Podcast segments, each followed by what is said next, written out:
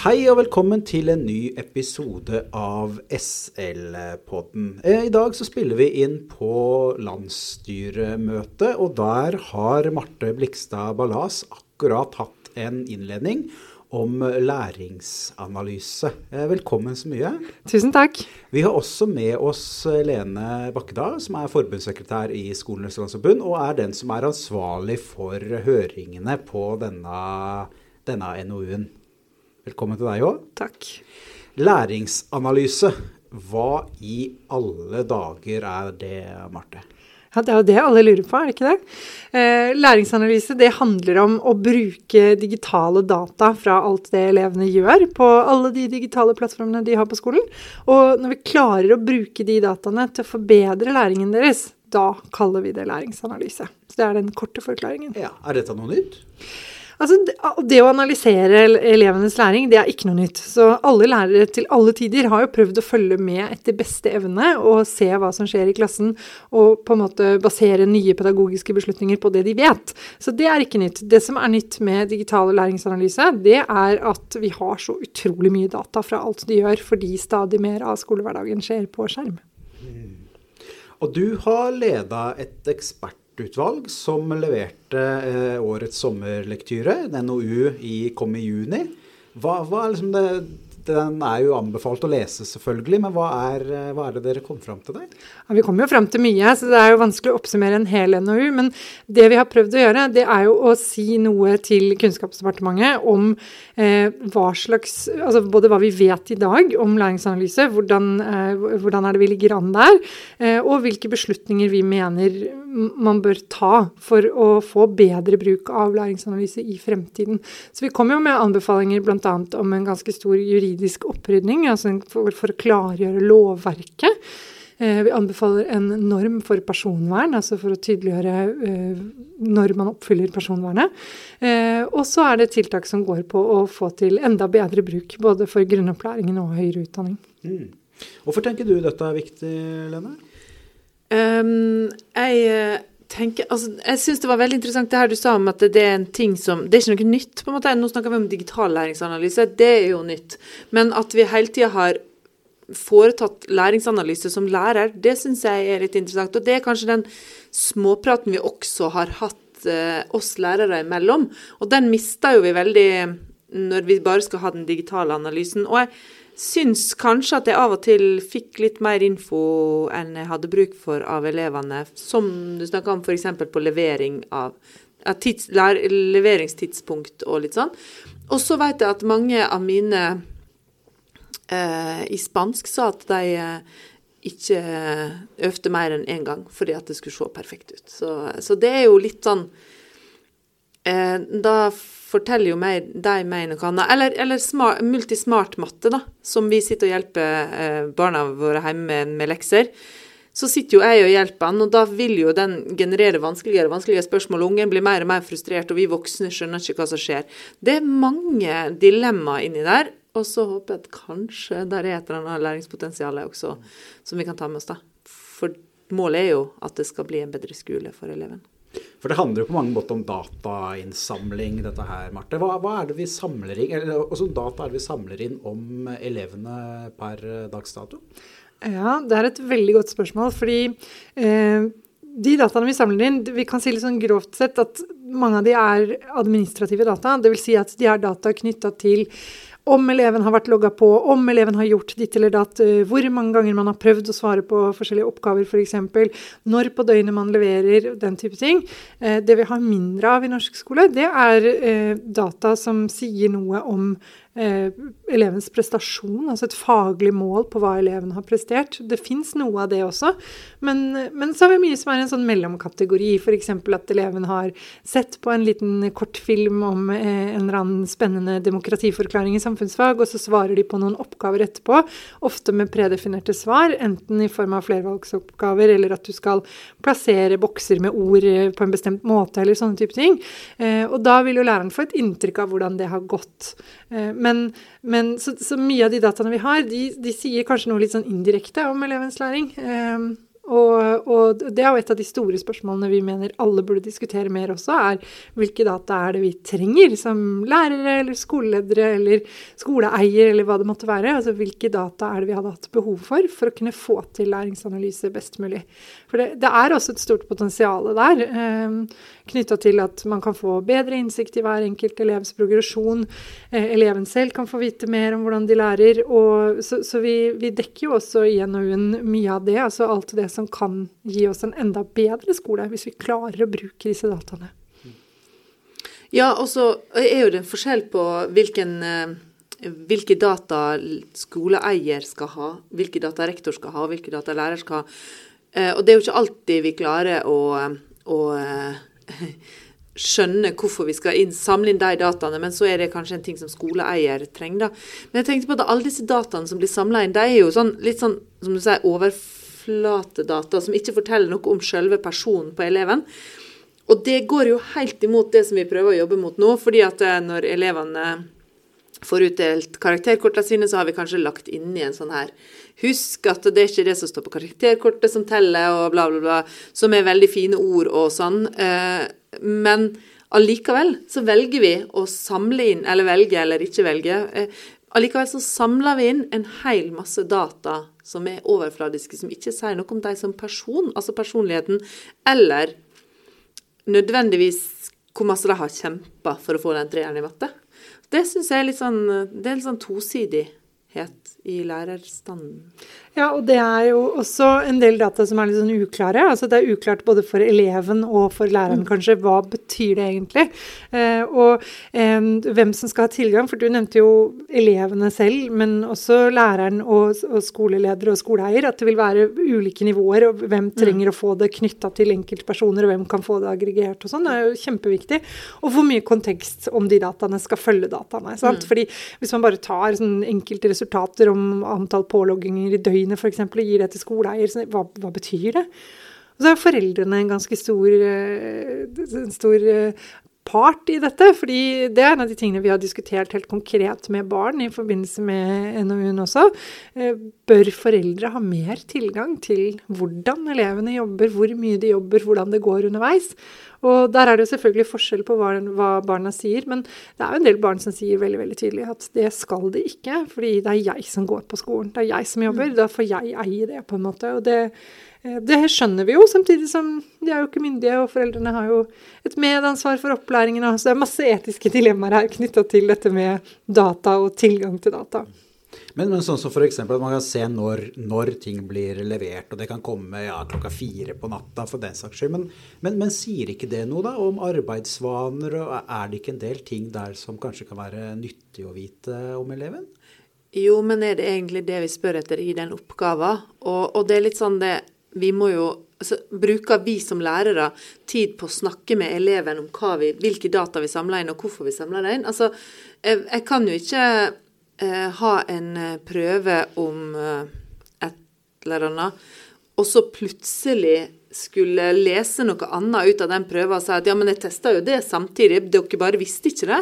Det er jo fryktelig eh, uetisk, rett og slett. Så, så jeg, jeg syns at kanskje Altså nå snakker vi høyt og mye om elevmedvirkning, og så er det noen som mener at vi skal ha enda mer elevmedvirkning, og så er det noen som syns at det, de ikke skal være med så masse og får sånn skinnmedvirkning. Men, men vi må i hvert fall snakke med elevene om hva vi samler inn. Kanskje det stresset som de har, kommer fordi at de hele tida blir målt. da. I enhver tid så blir de målt. Også når de leverer klokka fire om natta. Um, ja. Og, det er jo selvfølgelig uh, Hvis det hadde skjedd gang på gang på gang, så hadde jeg jo først tatt en prat med eleven jeg har vært på ungdomstrinnet. Og så hadde jeg tatt en prat med foreldre etter at jeg har snakka med eleven, selvfølgelig. Um, fordi at vi skal jo bry oss om medmennesket også. Uh, men det er jo ikke det jeg målte på den prøven. Når klarte du å levere, liksom? På en måte. Så, ja. Ja, for det blir jo sånn at altså vi, vi, bare kastes jo på med data. Og så, så, er det liksom Hva er det egentlig som er, som er nødvendig der, ja. Helt klart. Eh, Marte, du sa dere har snakka med mange barn om, om, hva foreldrene trenger å vite. Mm. Lene dro, dro, opp nå det om altså, at det er så stort press, man skal vurderes hele tida. Er det noe dere fikk snakka med dem om òg, eller utafor mandatet? Nei, vi er absolutt innenfor mandatet. Og det handler jo om den nedkjølingseffekten som eh, Lene nettopp beskrev også. altså at man, Sånn som disse spanske elevene som vil prøve en gang sånn at det ser bra ut og sånn. Og det en del elever fortalte oss altså Noen syntes ikke det var noe stress i det hele tatt. De var sånn nei, men det er bare læreren som ser det, og læreren vil hjelpe oss. Og de sa veldig mye fint om lærerne sine, alle sammen. Eh, men, men, det vi så, var at noen sa at, at man kan bli litt sånn bekymra og litt stressa av at av at det ser ut som du ikke har gjort det du skal, f.eks. Og eh, vi har jo også fått inn høringsinnspill fra foreldre som forteller om barn som klikker seg gjennom oppgaver uten å lese det som står på skjermen. fordi hvis du svarer feil, f.eks., så vil den gå tilbake automatisk til at du prøver en gang til med neste svar. Så på et sånt flervalgsoppgavesett f.eks. så går det an å sitte og nærmest se på Netflix og så bare klikke veldig mange ganger, og da vil du komme deg gjennom da, og til slutt få Så ser det ut som du har eh, gjort det du skal. Eh, og det er jo veldig trist, fordi eh, vi vil jo at disse dataene skal være reelle data som kan gi læreren viktig informasjon, og det vil de jo ikke være i det øyeblikket man begynner å lage data Eh, for læreren sin. Så jeg vil jo tro, altså Et godt eksempel på sånn nedkjølingseffekt vil jo også være hvis en elev jobber med noe, og det blir fryktelig seint, og de i stedet for å levere og være ferdig med det, venter til neste dag f.eks. og tenker at jeg vil ikke levere så sent på natta. Jeg vil vente sånn at ikke det ser ut som jeg har jobba til veldig sent med det, f.eks. Eller brukt lite tid. For det går også an. At man har brukt lite tid på noe, og så venter man med å levere for at redigeringstid, samlet redigeringstid i Teams eller hva det måtte være, skal gå opp, da. Så da, da, venter man for at det skal se ut som man har jobba på en annen måte.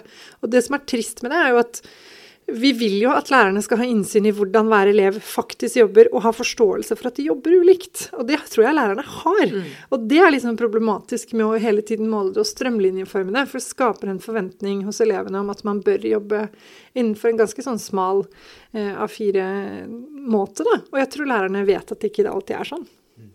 Men ligger det ikke et enormt mulighetsrom her for lærere å, å, å snakke om forskjellen? Jo, absolutt. Og det er jo det vi må. For jeg tenker sånn som dette eksempelet med elever som skal øve på Eh, øve på gloser i et eh, fremmedspråk, og som da bestemmer seg for å lage nye brukere og øve på en annen eh, bruker for å få alt perfekt på første forsøk. Jeg tenker, De må jo skjønne at enhver spansk eller fransk eller tysk lærer ville blitt kjempeimponert hvis du starta med veldig lave tall og kan nesten ingen av glosene, så prøver du igjen og igjen og igjen og igjen, og så er det masse arbeid der, og så til slutt så har du kanskje 80 95 riktig på glosene. Vi ville jo blitt imponert som lærere. Vi ville tenkt jøss, her har du virkelig jobba. Uh, eh, og det tenker jeg vi må snakke med elevene om. Hva er det vi forventer, og hva, hva, tenker vi hvis de gjør det ene eller det andre? Det er jo veldig rart, for jeg tror jeg tenker sånn på beep-test, f.eks. Ja. I gymmen. Mm. Der løper jo alle litt dårligere første gangen de skal løpe det for å vise forbedring, mens de ikke tenker på de andre ting. Men jeg syns også det er veldig spennende at det, F.eks. adaptive eh, ting som hjelper eleven til å komme oppover, stort sett bare finnes det i matte. Mm. Det synes jeg, det er også en sånn der noe hva, hva, er det som på en måte, hva er greia der? Det måtte vært enkelt å lage adaptive oppgaver om, om norsk grammatikk, som ikke er så spenstig å undervise i heller, eller andre typer eh, fag, da. Bare, bare rask uh, forklaring. Hva er adaptiv uh, opplegg? Uh, pekes på hverandre her. det At det tilpasser seg etter hvordan du Nivået flytter seg etter hvordan du gjør det i oppgaven. Ja. Og I adaptive verktøy så vil det alltid være en komponent av kunstig intelligens som gjør en vurdering av det eh, eleven f.eks. har tastet inn. Da. Så I matematikk f.eks., og det er et godt eksempel, for du har helt rett i at det er der det er mest. Mm. Eh, det er, internasjonalt er det matematikk og språkfag som har kommet lengst på adaptive læremidler. Og da vil jeg, hvis jeg får en regneoppgave, og den er litt for vanskelig, så vil systemet på en måte gi en tilbakemelding om at her er det for vanskelig, hun må få lettere oppgaver. Og så kommer det en oppgave som er litt enklere. Og når jeg da klarer den, så vil det bli litt vanskeligere igjen, og så vil man på en måte hele tiden være innenfor liksom, elevens proksimal optimale utviklingssone og mer tilpassa opplæring. Da. Så adaptivitet er jo i utgangspunktet en veldig god ting, men det er en utfordring at vi har veldig lite av det i norsk skole i dag, og det vi har, er innenfor matematikkfaget. Og det er vanskeligere. Eh, så grammatikk, som du nevner, er et spennende eksempel, for der hadde det gått an. Men å lage utforskende, adaptive oppgaver i norsk, f.eks., hva skulle det vært? ikke sant? Så det er jo en ganske stor utfordring når det gjelder læringsanalyse, at mulighetene for å få det til i Norge i dag, de er ganske ulike mellom fag, for å si det mildt. Det blir ikke noe adaptiv diktanalyse med det første, Lene? Altså, Jeg ser for meg masse ideer i forhold til kunstig intelligens, der man kan snakke med en chatbot ja, og få diskutert ting. og sånn. Mm. Men det går jo helt imot det vi tenker om fellesskolen også. Så, så, det er litt sånn, Men da kan man kanskje øve på argumentene sine. da, Få litt motargumenter innad i en sånn adaptiv oppgave. Eh, ja, Så der er masse muligheter. Eh, og så er det så dumt at det ligger så masse andre ting inni det, f.eks. at du viser når du har levert. Hvem er det som egentlig etterspør det? Hvorfor har det kommet på? Hvorfor er det viktig å vite hvor lang redigeringstid du har brukt i et dokument? Hvem er det som trenger den infoen, på en måte? Eh, for det er jo et kontorverktøy, men hvilket kontor sjekker opp det? På en måte. Så ja, mange forskjellige fallgruver og dilemmaer inni her. Ja, og mange av de dataene vi snakker om nå, de bærer jo preg av at det er data vi får, ikke fordi vi som skole har bedt om de, men fordi det er enkelt å, å ha det med. Og jeg vil jo tro at i andre bransjer så er det liksom tidspunkt på døgnet og sånn timestamping av eh, filer og sånn. Det er jo kjempelett å gjøre det òg. Mm. Systemet gjør det jo automatisk. Det interessante er at de velger å vise det. Sant? Fordi hvis du laster opp en fil et sted, så blir det lagra akkurat når det skjedde. Mm. Men det interessante er, spørsmålet syns jeg er liksom pedagogisk trenger læreren og eller eleven selv å vite når det skjedde etterpå. Det er jo veldig interessant hvis du skal skrive et samskrivingsdokument, da, der du kan vite hva er siste versjon. Eh, men det krever en kompetanse av eleven som vi må lære deg på forhånd. Og jeg tror at som med alle andre verktøy eh, Jeg ville ikke sendt eh, min 16-åring Nå kan du øvelseskjøre, vær så god, vi kjører på motorveien med en gang. Det er jo ingen som gjør det. Hvorfor gjør vi det da? Her har du en iPad. Kjør i gang. Vi bruker Teams, liksom. Hvorfor bruker ikke vi mer tid til, eh, til rammetekster, da, f.eks. sånn som vi gjør i norsken, der vi viser hvordan en skriver en tekst. Vi, ja, kanskje vi bør øve mer på det og snakke mer med eleven om at det skjer. Da vil vi også kanskje ta vekk litt av stresset. Jeg ville jo sett på det som et pluss hvis jeg hadde sett at eleven min hadde sett en film mange ganger for å skjønne det. Da har han virkelig jobba med det, ville jeg sett. Så det er jo litt skremmende at de eh, eh, At de antar hvordan vi som lærere vil reagere på det også. Mm. Ja, man må snakke mer med dem om det. Helt mm. klart. Og du er jo inne på dette med grunnleggende ferdigheter. sant? Det er jo en eh, intensjon i planverket at vi skal utvikle elevenes digitale ferdigheter, ikke bare la de bruke digitale ting. Og nok, vi, vi, har noen studier fra Norge også som viser at den bruken vi har, da, hvis man ser på det rammeverket til UDIR på grunnleggende ferdigheter for eh, digitale ferdigheter og digital kompetanse, så er det jo bruk vi ser. Det er jo ikke utvikling av ferdighetene, det er mer her er en pad, f.eks., og nå skal vi bruke den. Nå skal vi bruke Word, nå skal vi bruke PowerPoint. Bruke Teams. Mm. Og du får jo ikke nødvendigvis høyere digital kompetanse enn det du hadde i fjerde klasse av å bruke disse verktøyene. Nei. Nei. De kan jo ikke klippe og lime inni der, liksom. De, de, må jo lære det en gang. Mm. Det er ikke intuitivt. Og så er det sånn at uh, denne NOU-en som uh, kom i juni, den er jo nå ute på høring, uh, Lene. Hvordan, hvordan, er prosessen? Hva gjøres i Skolenes landsforbund i den uh, forbindelse? Nå har vi fått litt innspill eh, på uh, landsstyremøtet her i dag, uh, som vi skal ta med oss. I tillegg så har vi et høringssvar fra del rapport 1 som kom, som vi gløtta litt til. Og så ligger jo det litt i, i sjela vår og i vedtektene våre og sånn i forhold til hva vi har tenkt tidligere og om hvordan vi skal mene. Men vi har jo ingen direkte politikk på kunstig intelligens, f.eks. Eller på eh, så, så, det er Ja, vi jobber framover, og vi vil ha innspill fra eh, alle der ute som vi kan samle inn. Så ja Inn til meg, f.eks. Så du forventer nå en full eh, innboks? Jepp. Ja, men det er bra. Til, til, de som er ute i skolen, eh, Marte. Som, de kan jo selvfølgelig sende innspill til Lene. Bør, bør jo sende innspill til Lene. Men, men hva, hva, tenker du som er det viktigste at lærere og andre som jobber i skolen, tenker på når det kommer til, eh, til det vi har snakka om nå, med data og Ja, jeg tror jo man må starte helt på scratch og tenke sånn hva slags undervisning er det jeg vil ha? Hva slags skole vil vi ha? Eh, og hva, hvor kan teknologien støtte det? Og grunnen til at jeg sier det på den måten, er at ofte så ser vi litt det motsatte. Altså det kommer nye teknologier inn, eh, og så blir de ganske styrende for hvordan vi gjør jobben vår som lærere eller skoleeier eller skoleledere. Så jeg tror man må prøve å ta den rollen og det en enorme friheten i lærerjobben veldig på alvor, og hele tiden vurdere F.eks. hvis man får et nytt digitalt, uh, fantastisk læreverk i samfunnsfag. Er det dette jeg mener er det viktigste i faget? Er det sånn jeg vil måle det? Og på en måte virkelig eie den autonomien man har, da. Jeg er jo redd for at den kan bli mindre når man lager stadig flere eh, låste systemer hvor, hvor, det er på en måte predefinert rekkefølge på ting, predefinert hvilke svaralternativer du kan velge mellom. Eh, og, og, vi vet også at lærerne har jo ikke veldig mye penger de kan eh, strø rundt seg om å velge fritt blant alle ressurser og sånn. Det er jo snarere tvert imot. Så veldig mange får ikke papirbøker. De får ikke være med å bestemme hva slags digital løsning man skal ha, og heller ikke hvilke lisenser elevene deres skal ha. Så hvis du er lærer i et lite fag og får beskjed om at dette er det du får, så tenker jeg at det er ekstra viktig å være litt kritisk og vurdere hele tiden er jeg enig i at dette er faget mitt? Er det dette, Matcher det kompetansemålene våre, f.eks.? Mm.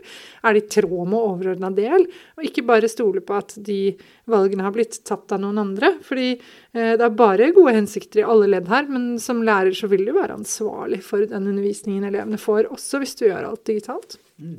Ja. Hvis du legger til noe der, Lene? Jeg bare tenker at uh, når vi hadde papirbøker, så så valgte vi bort noe og la til kanskje noen egne slides på en powerpoint eller kopier, eller eh, at vi gikk gjennom ting i tillegg. Eh, og det, den, den, muligheten er litt borte nå hvis vi skal følge en fastlagt læringstid. Eh, og så er jo alle nå veldig redd for å bruke ting som ligger åpent fordi at det kan bryte med GDPR. Eh, og det er jo Ja, det går jo litt på bekostning av det som er gøy også å drive med. ja, jeg tror også det er veldig viktig å huske på at det finnes heldigvis da, en del eh, mer åpne digitale ressurser også, mm. hvor du selv må lage innhold på en helt annen måte, sette sammen innhold på tvers av ressurser, eh, en del sånne ting. Og da kan man jo klare også å få til noe av det som er de eh, digitale teknologienes styrke, altså at eleven kan produsere mer selv, ikke bare ta imot faktaopplysninger og gjengi ting, men lage egne filmer og podkaster og sette sammen stoff på tvers av ulike ressurser og gjøre en del av de tingene som er grunnene til at vi har brukt så himla mye penger og ressurser på å få det digitale inn i skolen.